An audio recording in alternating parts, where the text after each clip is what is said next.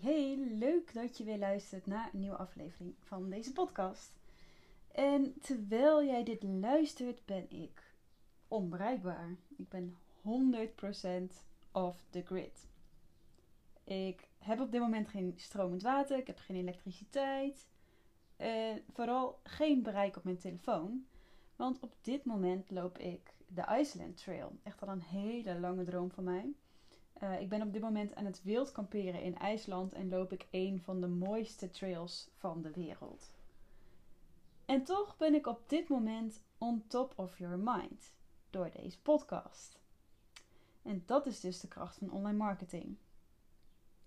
In deze podcast ga ik je niet vertellen over IJsland, al zou ik dat wel heel graag willen doen. Want ik denk dat ik na het lopen van deze trail genoeg bijzondere verhalen te vertellen heb. Maar in deze podcast wil ik je graag vertellen hoe het komt dat ik tijdens mijn vakantie, waarbij ik dus geen toegang heb tot het internet, toch thuis kom met een inbox vol met leads. Want op vakantie gaan betekent niet dat je sales stil moet komen te staan. Het tegendeel ga ik je vandaag bewijzen. Er zijn een aantal marketingmethodes waarbij je niet continu actief hoeft te zijn om daadwerkelijk resultaten te behalen. Dit zijn de marketingkanalen waar je leads uit gaat halen wanneer je op vakantie bent, zonder risico's te lopen. En wat ik bedoel met risico's, denk bijvoorbeeld aan Instagram of Facebook. Je kun je natuurlijk content inplannen wat gepubliceerd wordt tijdens je vakantie. En dat zal echt wel wat doen. Ik bedoel, Instagram en Facebook werkt nog steeds. Maar het risico van deze kanalen doorzetten tijdens je vakantie zonder dat je het beheert, is dat mensen comments en DM's kunnen sturen. En gezien social media een kanaal is waar interactie verwacht wordt, kan het dus zijn dat uh, je juist leads afketst omdat je niet snel genoeg reageert. Bekijk daarom goed naar je huidige marketingkanalen en welke door kunnen lopen zonder enige risico's. Welke marketingkanalen wel geschikt zijn om door te laten lopen terwijl jij onbereikbaar bent? Ik ga er nu een aantal noemen. Ten eerste e-mail marketing. Want een geautomatiseerde, uh, want een geautomatiseerde e-mail funnel of het versturen van ingeplande nieuwsbrieven is een methode waarbij je geen directe communicatie hebt met je doelgroep.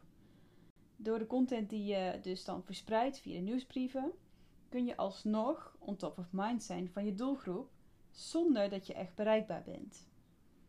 E-mail marketing staat ja, bekend als een marketingkanaal waarvan de conversieratio, oftewel het percentage van abonnees dat ook daadwerkelijk een aankoop doet, heel hoog is. En dit komt omdat zij al heel bewust hebben gekozen om jouw nieuwsbrieven te ontvangen. Vinden zij je nieuwsbrieven niet meer boeiend, dan zijn ze met één klik op de knop weer uitgeschreven. En dat maakt e-mail marketing heel erg waardevol. Zelf werk ik met een aantal gratis downloadables, waarna ik nog meer waarde deel in een aantal mails die daarna volgen.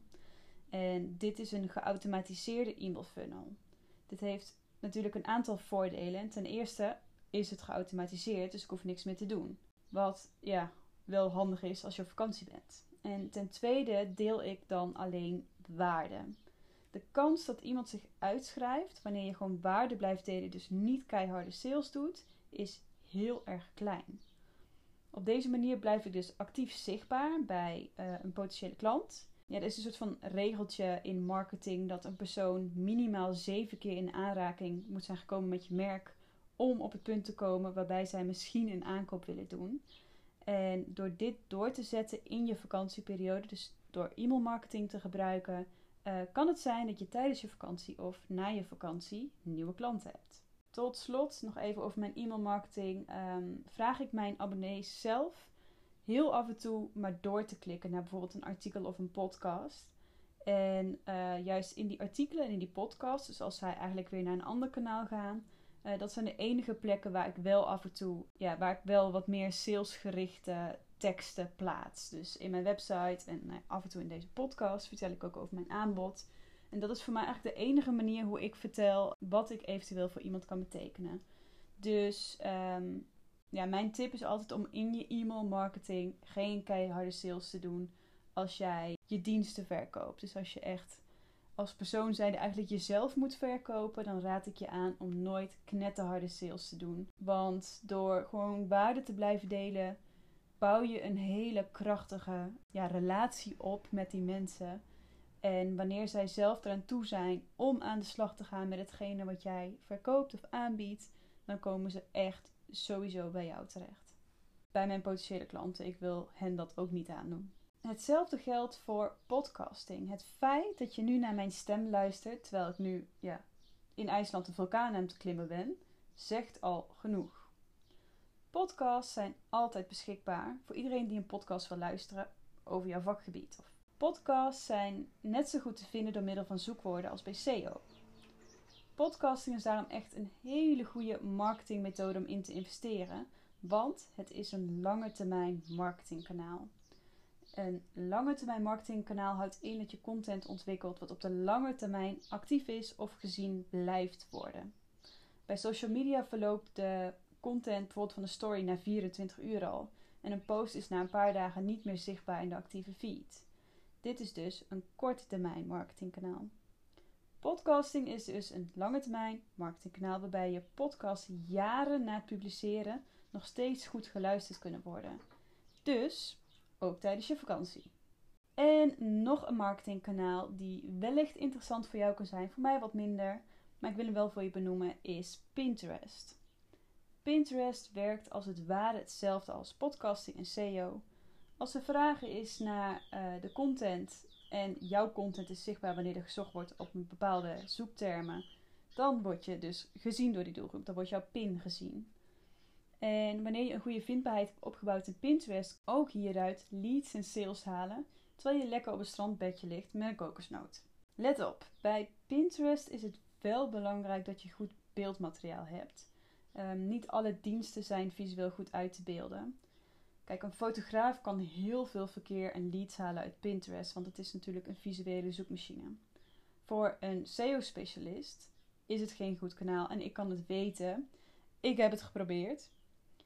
Ben je benieuwd of Pinterest misschien wat voor jou is? Dan raad ik je aan om contact op te nemen met een Pinterest specialist. Die kan jou echt vertellen en waarschijnlijk laten zien wat je kansen zijn. En ja, natuurlijk hoort SEO-content ook thuis in dit rijtje. Want meer dan 53% van het totale websiteverkeer wereldwijd is organisch verkeer uit de zoekmachines. Oftewel, wanneer je geen goede zichtbaarheid in Google hebt, loop je, loop je heel veel verkeer mis. Bedenk dat je je verkeer minimaal kunt verdubbelen. En eerlijk, er zijn zoveel zoekwoorden waar je vindbaar kunt worden, dat je kunt doorgaan met SEO tot je duizenden extra bezoekers per maand hebt of zelfs per dag.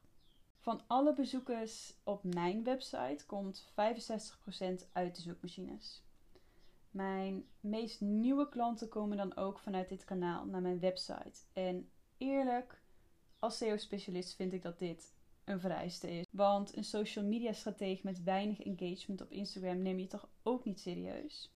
Mijn organische bezoekers vinden mij niet alleen door te googlen op freelance SEO-specialist. Ik word ook heel veel gevonden op allerlei andere gerelateerde termen.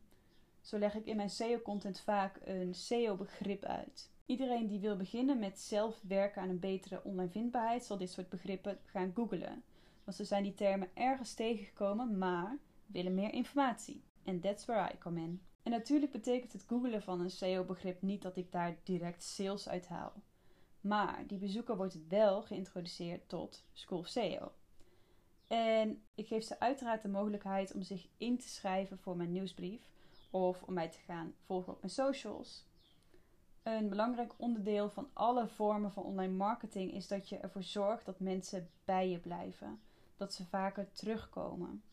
Want herhaling is heel erg belangrijk. Vooral wanneer je een dienst aanbiedt, want niemand koopt direct een dienst van je.